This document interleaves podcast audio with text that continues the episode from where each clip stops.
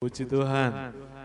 Sementara anak-anak super kids kita menuju ke ruangannya, saya percaya jemaat semua yang hadir di sini haus dan lapar akan firman Tuhan. Amin. Siapa coba angkat tangan siapa yang haus dan lapar akan firman Tuhan? Oh, praise God. Puji Tuhan. Praise God. Saudara, hari ini kita dapat tamu istimewa lagi. Ya, dari Melbourne. Saudara masih ingat Ibu Lili Budiman? Ya, beliau seorang dokter yang dipakai Tuhan untuk melayani dan kali ini adalah kali yang kedua beliau turun gunung. Ya, setelah bertapa di Melbourne hampir berapa tahun, Li? Lebih dari 20 tahun, saudara bayangin. Kali yang pertama turun gunung di CLC, kali kedua turun gunung di CLC juga. Haleluya. Mari kita sambut firman Tuhan, kita berikan tepuk tangan buat firman Tuhan. Kita sambut Ibu Lili Budiman.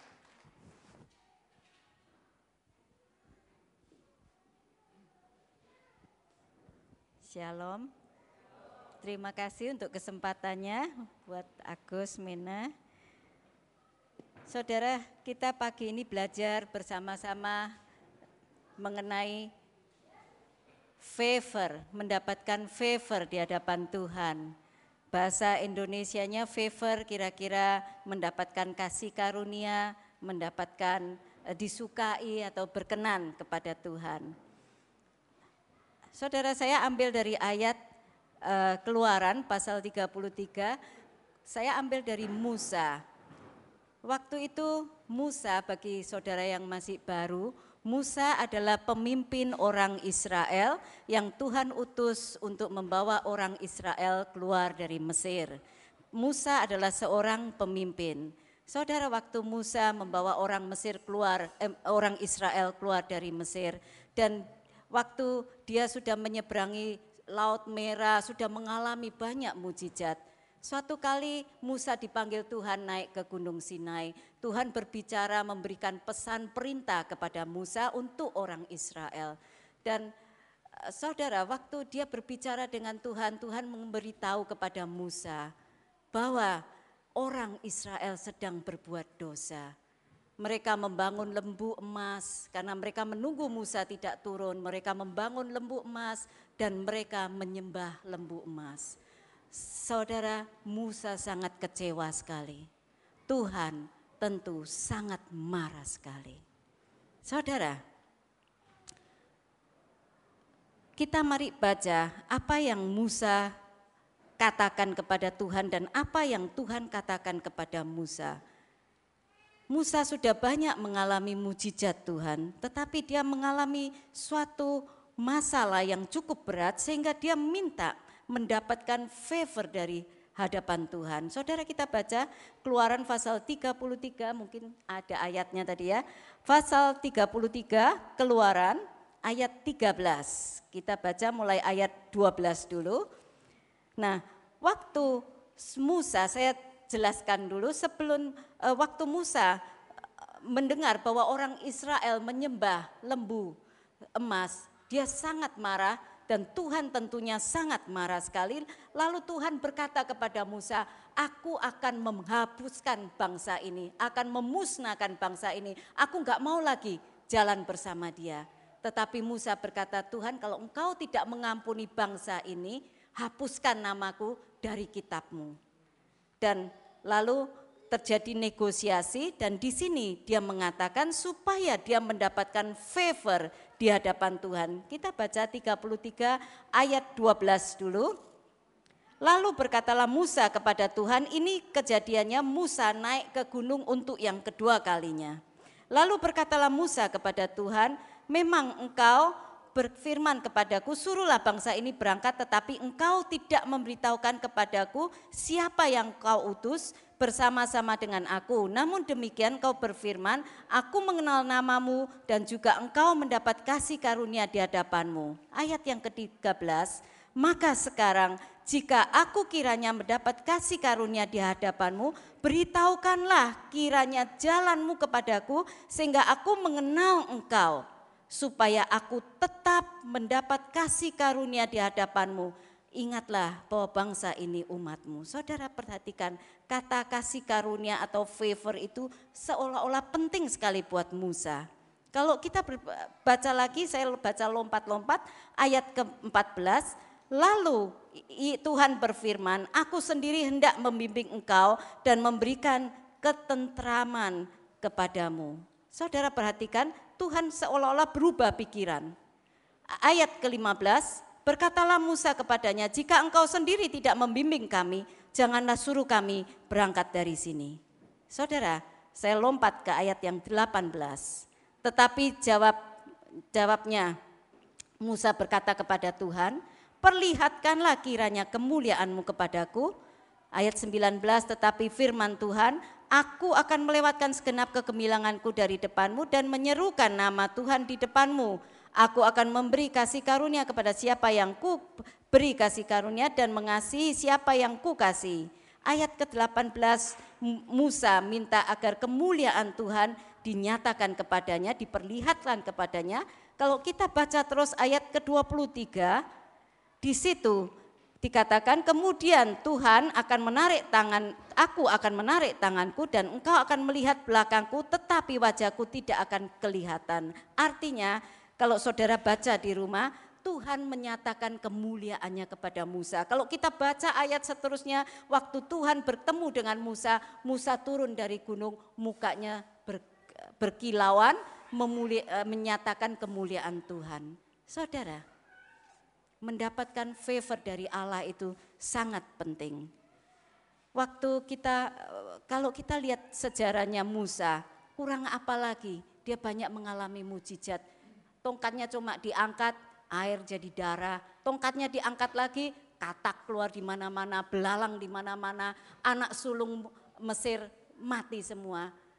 Tetapi kenapa dia masih minta Tuhan berikan aku favor supaya aku mengenal engkau, supaya aku mengenal jalanmu. Seolah-olah enggak cukup mujizat itu, karena dia ingin lebih dalam lagi, lebih intim lagi, dia mengenal Tuhan.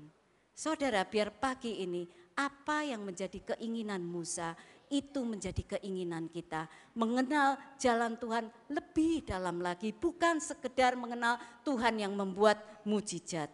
Saudara, kata-kata favor penting sekali. Kenapa kita penting sekali untuk mendapatkan favor? Setiap kali kita mendapatkan favor, orang-orang mendapatkan favor dari Tuhan, mendapatkan kehidupan. Dan setiap kali orang mendapatkan favor dari Tuhan, doanya dijawab oleh Tuhan.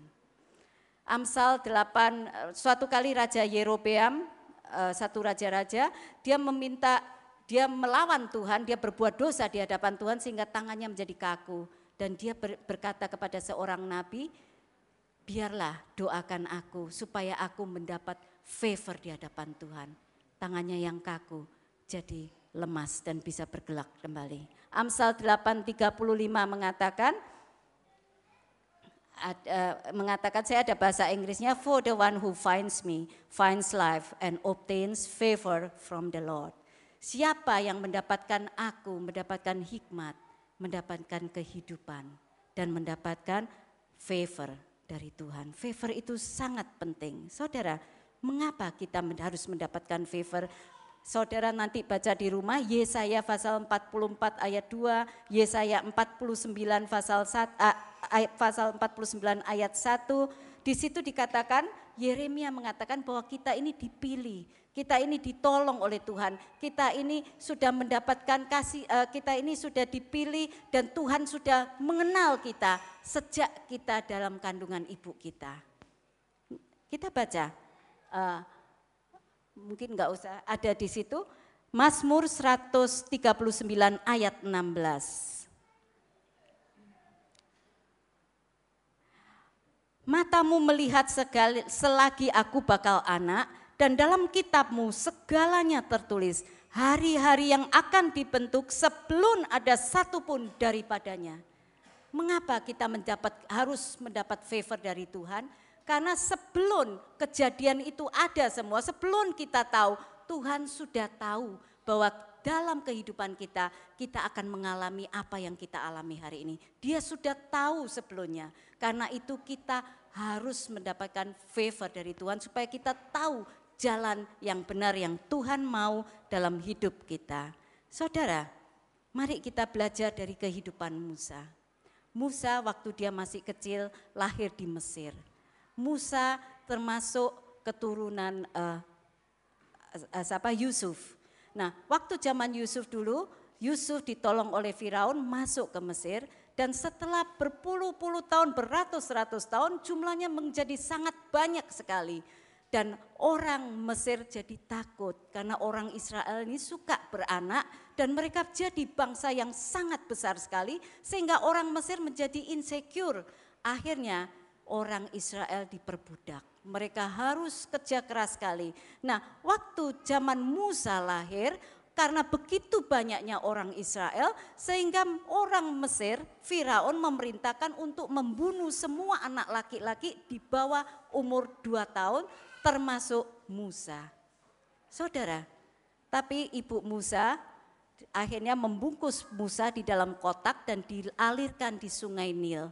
Lalu dia menyuruh kakaknya Musa, Miriam untuk mengikuti ke mana aliran ini dibawa, kotak ini dibawa. Dan ternyata Musa ditemukan oleh anak Firaun dan dipelihara di situ. Lalu Miriam menawarkan, maukah engkau aku mencarikan seorang ibu orang Ibrani untuk menyusui anak ini. Lalu putri Firaun dia memberikan Musa kembali untuk disusui ibunya. Setelah cukup besar baru Musa dibawa kembali ke uh, istana Firaun. Saudara, kita perhatikan kalau cerita ini berakhir hanya sampai di sini saja. Apa reaksi kita? tentu kita mengucap syukur Tuhan itu luar biasa. Tuhan itu baik sekali. Musa yang seharusnya mati, dia diselamatkan. Dan dia masuk ke istana musuh, dia tidak dibunuh. Tetapi dia malah dipelihara di dalam istana. Dia mendapat fasilitas yang sangat baik sekali. Tentu kita ikut mengucap syukur atas kebaikan Tuhan. Saudara, sayangnya cerita ini tidak berakhir di sampai di sini setelah dia dipelihara 40 tahun dia menjadi besar dan dia menikmati kekayaan, kenikmatan, kehormatan, pendidikan yang luar biasa di istana. Saudara suatu kali dia sadar bahwa dia adalah orang Ibrani dan dia melihat bagaimana orang Ibrani itu disiksa.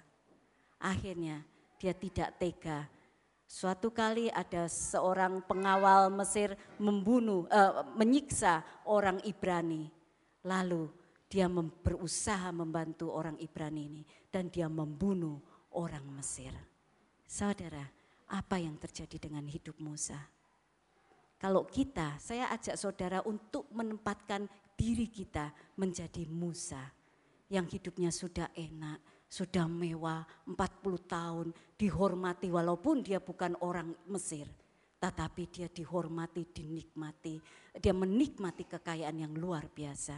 Suatu kali Tuhan berbalik, membalikan hidupnya menjadi orang yang prominent, menjadi orang yang sangat menderita dan nothing. Karena apa? Setelah dia membunuh orang Mesir, dia harus melarikan diri dari Mesir dan dia melarikan diri ke padang gurun. Dari orang yang prominent, Tuhan membalikkan dia menjadi orang yang gelandangan, tidak tahu ke mana dia harus pergi. Saudara, kalau itu kita ada di dalam posisi Musa, kira-kira reaksi kita apa? Yang tadinya kita menyembah-nyembah Tuhan, baik sekali, baik sekali Tuhan ternyata kita berbalik dari sesuatu yang sangat luar biasa menjadi titik terendah dalam hidup kita dan kita nggak tahu apa yang harus kita perbuat. Saudara, bayangkan kehidupan kekristenan kita. Suatu kali kita harus mati tanpa mengenal Yesus, kita mati mengalami kematian kekal. Kita menerima Yesus, Yesus selamatkan kita lalu kita mengalami suatu pemulihan, kita semangat dalam hidup kita. Ternyata kehidupan kekristenan tidak cuma sampai di situ. Suatu ketika kita mengalami masalah. Dan ini yang dialami oleh Musa. Dia menjadi seorang penggembala, dia tidak punya pengalaman hidup di padang gurun, dia tidak punya pengalaman menjadi seorang penggembala, dia harus meninggalkan kekayaannya, kemuliaannya di Mesir untuk tinggal di padang gurun. Saudara, kira-kira apa reaksi Musa waktu itu? Setelah saudara selama Musa hidup dia belum punya pengalaman dengan uh, sorry saya minum sebentar selama Musa hidup, dia belum pernah punya pengalaman pribadi dengan Tuhan. Dia mengenal Tuhan melalui ibunya waktu menyusui, diajari tentang asal usul orang Israel dan Allah orang Israel. Dia belum pernah punya pengalaman 40 tahun di Mesir, lalu dia melarikan diri di padang gurun. Saudara perhatikan, satu bulan mungkin dia masih bisa berharap dengan Tuhan Dua bulan masih tahan, satu tahun mungkin dia sudah agak nggak tahan, tetapi dia masih berharap kepada Tuhan. Sampai 20 tahun, 30 tahun jawaban Tuhan tidak ada datang. Dia menjadi seorang penggembala 38 tahun, 39 tahun. Kalau itu kita di posisi Musa 40 tahun. Saudara, bagaimana kita kira-kira? Tentu kita sudah tidak memikirkan Tuhan lagi. Pada tahun yang ke-40, waktu dia menggembalakan domba, dia melihat semak duri itu tiba-tiba ada apinya, terbakar tanpa ada apa alasannya terbakar. Saudara, Musa mengapa dia bisa mendapatkan favor di hadapan Tuhan? Waktu dia melihat uh, semak duri yang terbakar itu, dia mau mengesamping. Dia mau pergi melihat apa itu kira-kira. Dan waktu dia melihat, di situ keluar suara Tuhan. Musa, Musa. Dan dia meresponi, ya Allah. Saudara, waktu dia melihat, waktu kita, kita taruh kita posisi Musa, Mungkin kita sudah kecewa, kita sudah sibuk sekali dengan masalah kita, dengan kekecewaan kita, dengan rasa marah kepada Tuhan. Sehingga kita sering waktu Tuhan berbicara kepada kita, kita nggak nggak bisa meresponi dan kita nggak tahu kalau Tuhan berbicara. Karena kita sibuk dengan pikiran penderitaan kita dan masalah kita. Saudara, Musa dia mendapatkan favor dari Tuhan karena dia selalu ingin mencari dan meresponi. Dia ingin untuk uh, uh, mengharapkan Tuhan senantiasa. Waktu dia melihat burning bush, semak berduri, dia mengesamping dan dia melihat. Dan dia meresponi. Seandainya saudara, Musa melihat burning bush dan dia tidak mengesamping, Alkitab mengatakan dia mengesamping dan dia melihat, seandainya dia lewat saja, dia tidak melihat. Tentu dia tidak akan mengalami perubahan dalam hidupnya. Dia tidak mengalami berkat yang Tuhan sediakan dalam hidupnya. Saudara, sejak Musa menyimpang dan dia melihat burning bush itu, terjadi negosiasi antara Allah dan Musa. Saudara, Musa tidak nyaman lagi hidupnya karena 40 tahun untuk pertama kali dalam hidupnya umur 80 tahun dia punya pengalaman pribadi dengan Tuhan waktu dia melihat semak duri yang terbakar. Waktu dia melihat itu dan dia mulai berdialog dengan Tuhan. Tuhan mengatakan doa orang Israel sudah sampai kepadaku Musa. Aku akan membebaskan mereka dan aku akan mengutus engkau membawa mereka keluar. Musa berkata, Tuhan aku ini siapa Tuhan? Aku apakah aku mereka mau mendengarkan aku? Aku nggak pandai bicara. Tuhan mengatakan, aku menyertai engkau. Aku akan membuat mujizat melalui engkau. Enggak Tuhan, aku nggak bisa terus negosiasi terus sampai terakhir Tuhan marah kepada Musa. Saudara, waktu Tuhan marah kepada Musa, Musa masih tidak yakin. Tetapi dia karena dia punya hati yang mau mencari Tuhan dan selalu berharap kepada Tuhan. Karena itu Tuhan mengatakan, aku memberikan favor kepada Musa. Dia mau kembali ke Mesir. Saudara, pagi ini mungkin saudara punya banyak masalah. Sekarang ini masalah ekonomi, krisis ekonomi, di jemaat kami ada beberapa yang jam kerjanya mulai dikurangi. Mungkin ada saudara yang banyak mengalami hal demikian. Saudara, pagi ini kalau ada burning bush, ada Tuhan mengajak saudara berbicara, izinkan hati kita untuk mau berharap dan selalu mencari Tuhan supaya dia bisa berbicara kepada kita dan dia mengarahkan hidup kita seperti yang dia ingini. Saudara, mungkin di dalam hubungan suami istri kita bertengkar terus.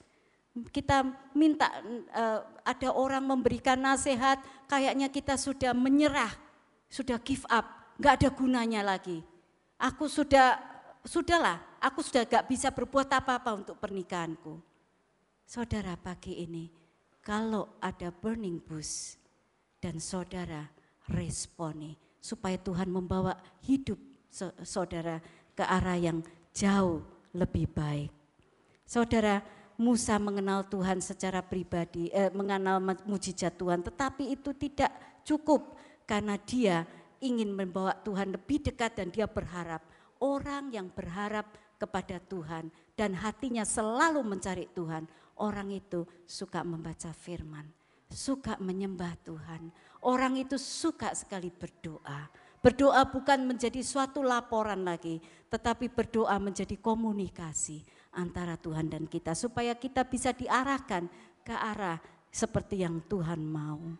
Saudara, setelah Musa ketemu dengan Tuhan di burning bush dan dia terpaksa harus kembali ke Mesir. Saudara, mengapa saya katakan terpaksa? Karena dia takut. Saudara kita posisi, taruh posisi kita di Musa, diri Musa. Yang pertama waktu dia masih bayi, dia dipelihara oleh musuh, tapi dia malah dimanjakan, dipelihara, dibesarkan di istana. Yang kedua kali dia kembali ke Mesir, resikonya dia bisa mati.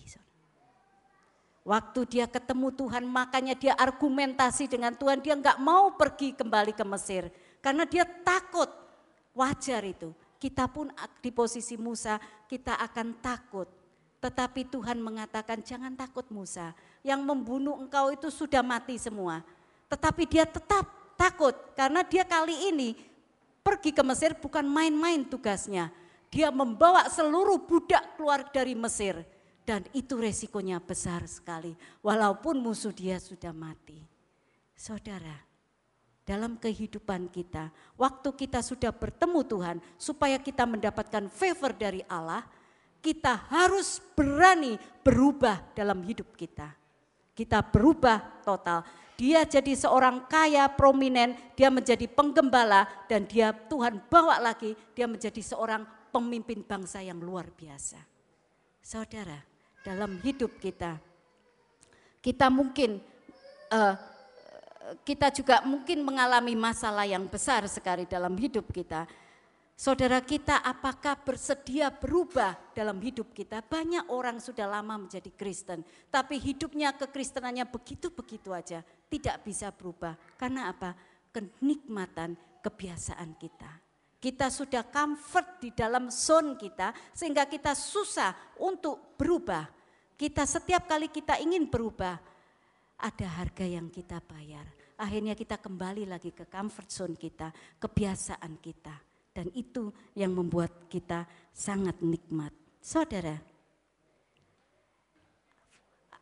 eh, kembali ke pasal 33 ayat 13 tadi, Musa mengatakan, Tuhan izinkan aku mengenal engkau, mengenal jalan-jalanmu. Saudara, untuk kita mendapatkan favor dari Tuhan, kita harus mengenal jalan Tuhan. Mengenal jalan Tuhan itu bukan hal yang mudah sekali. Secara teori kita mudah sekali, kita menulis dan kita membaca dan kita uh, me, merenungkan. Tetapi untuk melakukan itu suatu hal yang sangat sulit sekali. Mengapa demikian? Saudara, dalam kita mengenal proses dengan Tuhan, kita untuk bisa kita mengikuti jalan Tuhan, kita harus terjadi suatu adjustment. Adjustment ini kata yang penting sekali. Untuk kita bisa mengenal Tuhan, kita harus adjust dengan standar Allah. Saudara, pernikahan itu adalah suatu adjustment. Adjustment, adjustment, dan adjustment. Setiap kali couple akan menikah, saya selalu mengatakan, apakah kamu siap untuk adjust dengan pasanganmu? Kalau saudara tidak siap, lebih bagus jangan menikah. Setiap kali ada perubahan dalam hidup kita, terjadi adjustment. Tanpa adjustment, kita akan gagal dalam pernikahan kita.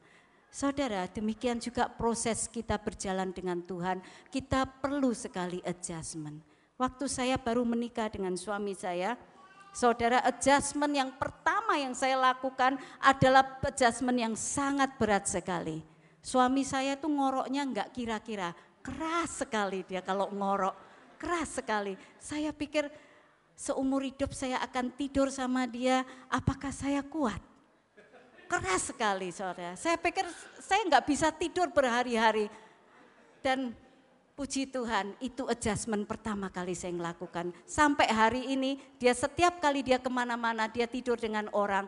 Orang mengatakan istrimu hebat ya bisa tidur sama kamu.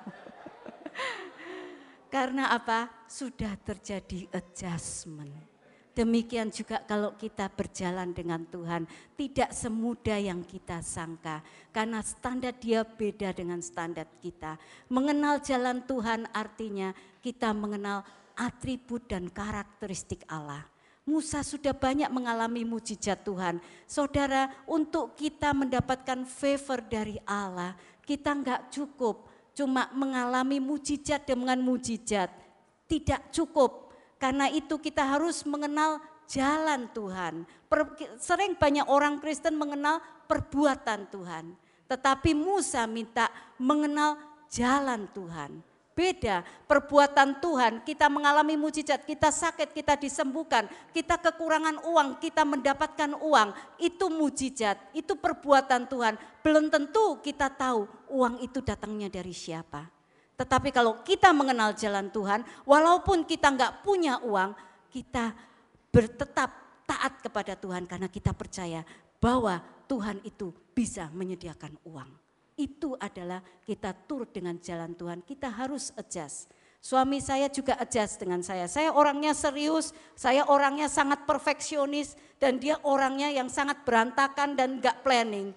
Jadi waktu kami menikah dia juga berat menyesuaikan diri dengan orang yang serius. Saudara, setiap kali kita mengalami masalah dengan Tuhan, kita ingat kata adjustment.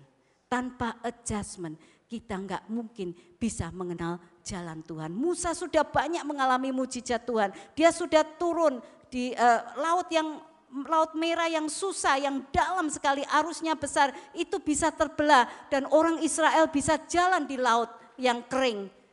Dan dia pikir itu sudah cukup. Dan ternyata orang Israel masih bisa nyeleweng. Karena apa? Orang Israel mengenal perbuatan Tuhan.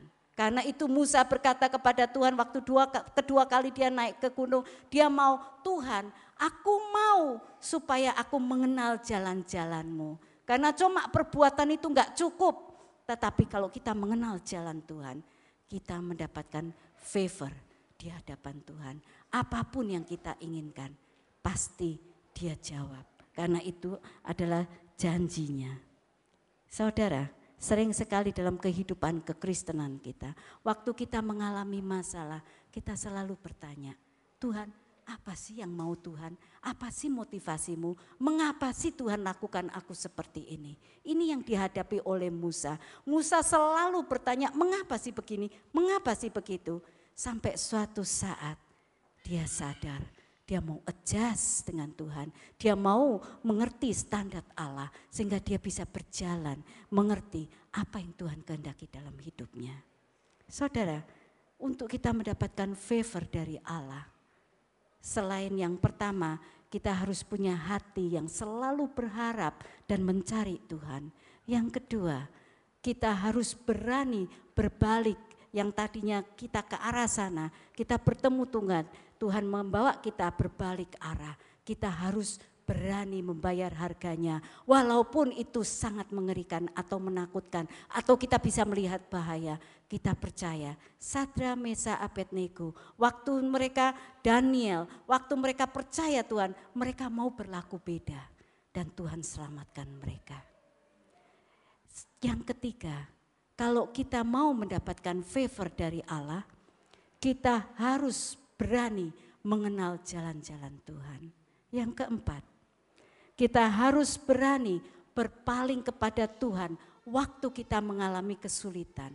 Saudara, banyak orang waktu mengalami kesulitan, orang itu kita kecewa, kecewa, kita menunggu tidak dijawab, akhirnya kita berusaha meninggalkan Tuhan dan kita mencari jalan kita sendiri.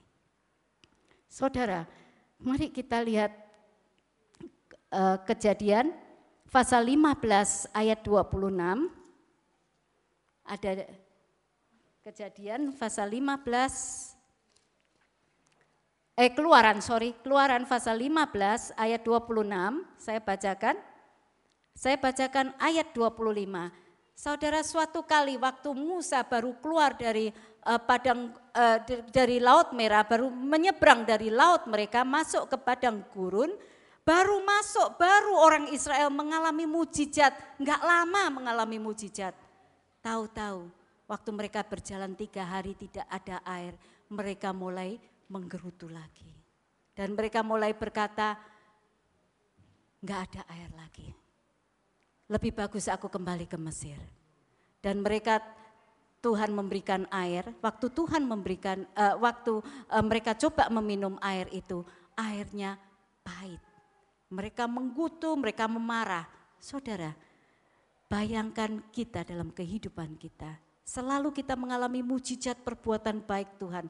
Dan setelah kita mengalami perbuatan baik Tuhan, kita mengalami masalah, kita mulai tidak ingat lagi perbuatan Tuhan yang dulu. Kita selalu menggerutu dan kita mulai medumel dan kita mulai komplain kepada Tuhan. Saudara, waktu kita uh, waktu orang Israel kita baca ayat yang ke-15 eh, ayat ke-25, pasal 15, keluaran pasal 15, ayat ke-25, Musa berseru-seru kepada Tuhan dan Tuhan menunjukkan kepadanya sepotong kayu, Musa melamparkan kayu itu ke dalam air, lalu air itu menjadi manis. Di sanalah diberikan Tuhan ketetapan-ketetapan dan peraturan-peraturan kepada mereka dan di sanalah Tuhan mencoba mereka. Perhatikan kata mencoba, Lalu firman Tuhan apa? Ayat ke-26 firmannya, jika kamu sungguh-sungguh mendengarkan suara Tuhan Alamu dan melakukan apa yang benar di matanya dan memasang telingamu kepada perintah-perintahnya dan tetap mengikuti segala ketetapannya, maka aku tidak akan menimpakan kepadamu penyakit mana pun yang telah kutimpakan kepada orang Mesir. Sebab aku Tuhanlah yang menyembuhkan engkau. Saudara,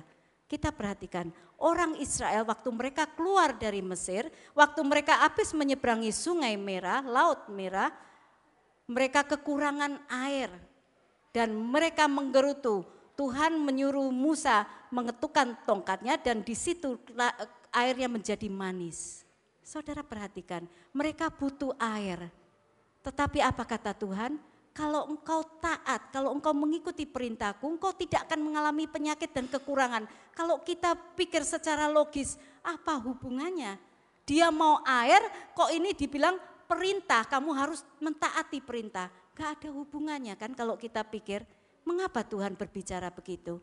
Dan di sini dikatakan, Tuhan mencoba mereka. Saudara kembali lagi ke Mazmur 139 ayat 16 karena dia tahu kejadian-kejadian yang akan terjadi sebelum itu terjadi, Tuhan sudah tahu.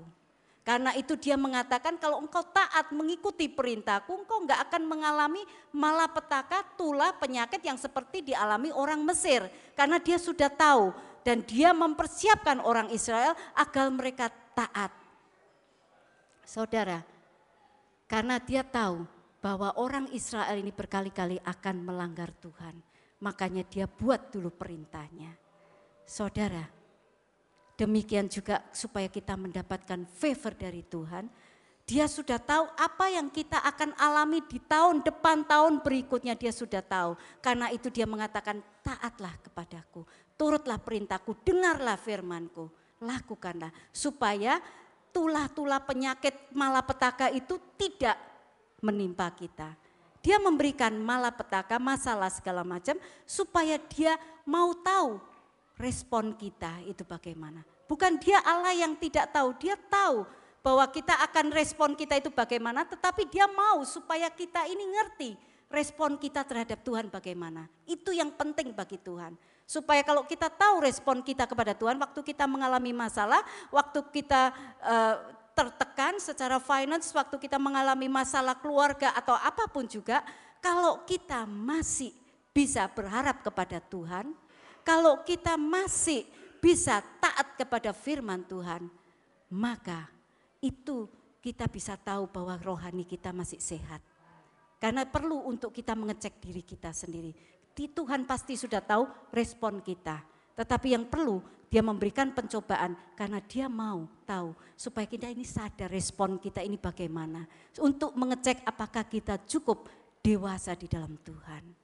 Karena itu saudara dan uh, setiap kali dan Tuhan itu tahu waktu mereka di padang gurun mereka mulai pemberontak lagi dan di situ sampai Tuhan memberikan ular tedung uh, di tiang untuk supaya setiap orang yang melihat ular tedung itu tidak sampai mati karena Tuhan sudah tahu maka dia bikin peraturan itu saudara untuk kita mendapatkan favor dari Tuhan kita harus berani punya hati itu selalu berpaut kepada Tuhan dan mencari Tuhan.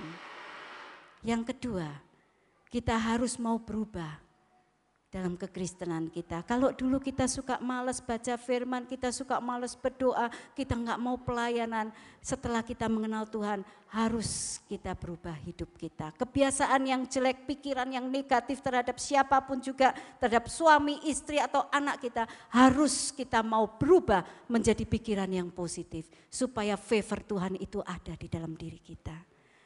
Yang ketiga, kita harus mau belajar untuk adjust. Saudara, mengetar jalan Tuhan itu perlu proses atau adjustment, tidak semudah yang kita sangka.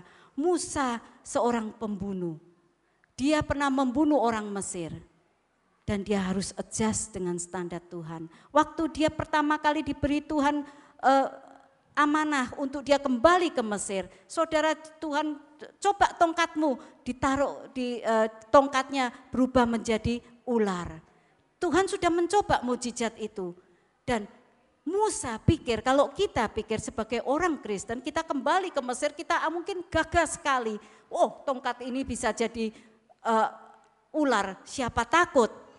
Saudara, waktu Musa kembali ke Mesir, tidak seperti yang dia expect. Begitu gampang menaklukkan Firaun, walaupun Tuhan menjamin Tuhan bersama dengan dia. Waktu dia kembali ke Mesir, Baru dia ngomong sekali dengan Firaun, Tuhan mengutus aku untuk membawa orang Israel keluar. Firaun marah. Jerami tidak diberikan tetapi dituntut membuat batu yang sama jumlahnya.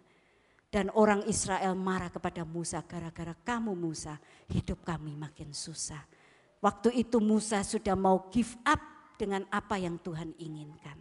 Saudara, mungkin itu sekarang ada di dalam diri kita kita mau give up.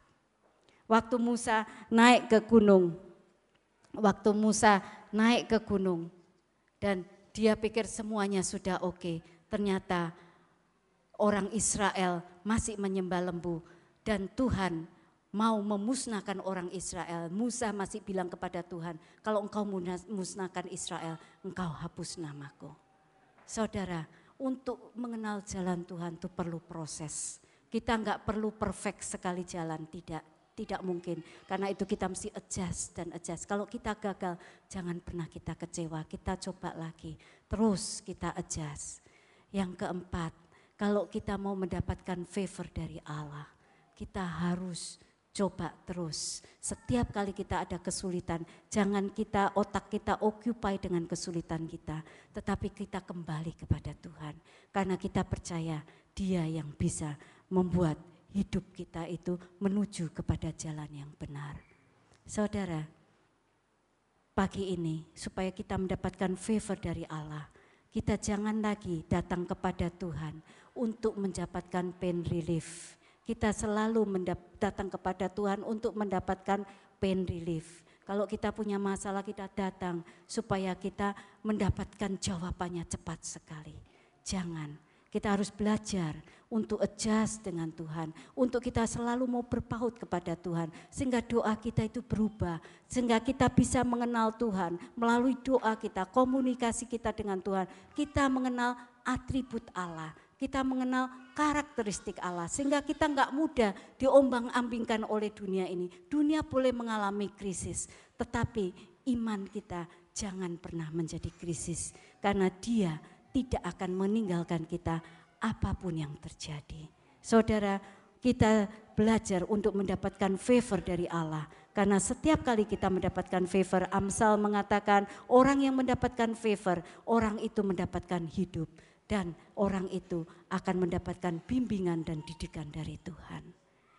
Mari saudara kita berdoa pagi ini. Apa pun yang terjadi dalam hidup kita, kita belajar untuk kita mendapatkan favor dari Tuhan. Saudara pagi ini, Musa yang sudah banyak mengalami mujizat, Musa ingin mendapatkan favor dari Tuhan lebih lagi. Dan dia mengatakan, aku ingin selalu dan seterusnya mendapatkan favor di hadapanmu. Dia mengalami perbuatan Tuhan, mujizat Tuhan, tapi rupanya enggak cukup. Dan dia mengatakan, aku ingin mengenal engkau, aku ingin mengenal jalan-jalanmu lebih dalam lagi. Saudara, pagi ini, mungkin keadaan kita, kita dari orang yang keadaannya yang sangat baik, kita mengalami masalah pagi ini. Saudara, doa kami bersama-sama supaya saudara mendapatkan favor kembali di hadapan Tuhan. Mengenal Tuhan lebih dalam lagi dan mendapatkan uh, mengetahui jalan Tuhan. Pagi ini saudara, kalau saudara mengalami masalah, Apakah mungkin saudara ada di dalam step pertama? Saudara mungkin mengerti burning bush. Ada orang yang menegur saudara, ada orang yang menasehati saudara, tapi saudara nggak peduli karena saudara sibuk dengan masalah saudara. Pagi ini saudara, kalau Tuhan berbicara kepadamu, izinkan saudara menyisi ke pinggir dan melihat dan berbicara kepada Tuhan. Responi panggilan Tuhan kalau saudara mungkin sudah meresponi ke panggilan Tuhan pagi ini, saudara mungkin taruhkan tangan saudara di dada, saudara kurang berani untuk berbalik, untuk bertindak karena saudara takut. Mungkin ada rasa kekhawatiran, ketakutan, ada masalah masa lalu, eh, luka, trauma masa lalu yang membuat saudara tidak mau berubah, tidak berani untuk bertindak dan berubah. Pagi ini saudara, izinkan Tuhan untuk bekerja dalam hidupmu. Buat satu step walaupun resikonya apa pun resikonya, apa pun harga yang saudara hadapi, katakan Tuhan aku mau start dengan step pertama. Aku mau berubah dalam hidupku supaya aku masuk ke dalam jalan Tuhan dan aku mendapatkan favor dari Tuhan. Saudara, Mungkin ada di antara saudara yang mengalami kesulitan untuk adjust dengan Tuhan. Saudara, untuk kita adjust dengan Tuhan, kita membutuhkan suatu ketaatan. Karena standar Allah beda dengan standar kita. Dia pernah menjadi manusia dan dia tahu keadaan kita. Tetapi kita menjadi manusia belum pernah menjadi Allah sehingga kita nggak tahu standar dia. Karena itu kita harus berjalan dan belajar untuk adjust seperti Musa. Dia marah, dia menjadi pembunuh, tapi itu nggak masalah di hadapan Tuhan. Selama kita mau terus adjust dengan dia. Saudara pagi ini, kalau ada kesulitan dengan kita untuk adjust, saudara, mari kita membuat komitmen baru di hadapan Tuhan. Katakan Tuhan aku mau adjust dengan Tuhan dengan standar Tuhan supaya aku bisa berjalan dengan Tuhan, aku mendapatkan favor di hadapan Tuhan.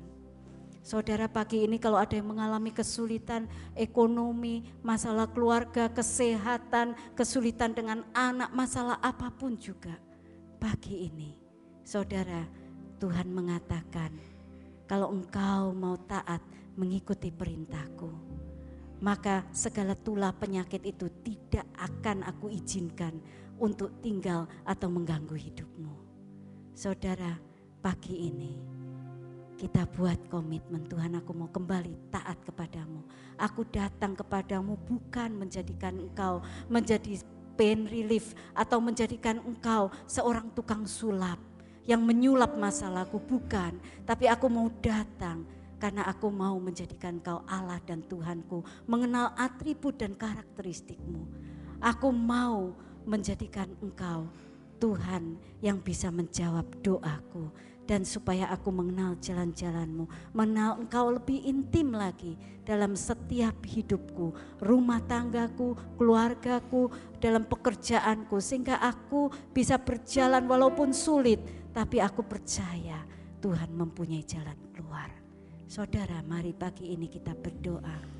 Bapak engkau berkati seluruh jemaatmu di sini apa pun masalah mereka, apa pun yang mengalami mereka, apa pun yang mereka alami. Tuhan kau tahu, engkau jawab setiap masalah mereka. Buat mereka berani untuk hidup benar di hadapanmu. Supaya mereka mengalami janji-janji Tuhan dalam hidup mereka. Engkau pulihkan keluarga mereka. Hubungan suami istri engkau pulihkan. Anak-anak mereka engkau pelihara. Engkau bawa anak-anak mereka menjadi anak-anak yang berkenan dan menyenangkan hati orang tua mereka Berkati anak-anak mereka, berkati orang tua mereka, berkati Tuhan uh, sekolah anak-anakmu yang mahasiswa di sini. Sekolah mereka engkau buat berhasil Tuhan. Hidup mereka engkau pakai untuk menjadi kesaksian, untuk memuliakan namamu. Dan kau berkati Tuhan secara keseluruhan financial umatmu di sini. Sehingga mereka mengalami waktu krisis ekonomi ini jangan sampai mereka dikeluarkan dari pekerjaan. Tetapi engkau cukupi, engkau pelihara. Mereka keluar dari pekerjaan kecuali mereka akan mendapatkan promosi yang daripada Tuhan. Engkau berkati jemaatmu di sini Tuhan. Bapak, biar jemaatmu dan kami semua di sini pagi ini, kami mendapatkan favor di hadapanmu. Kami mengenal jalan-jalanmu supaya hidup kami terus berkenan dan kami menjadi sahabat Tuhan. Terima kasih Bapak. Demi nama Yesus kami berdoa. Amin.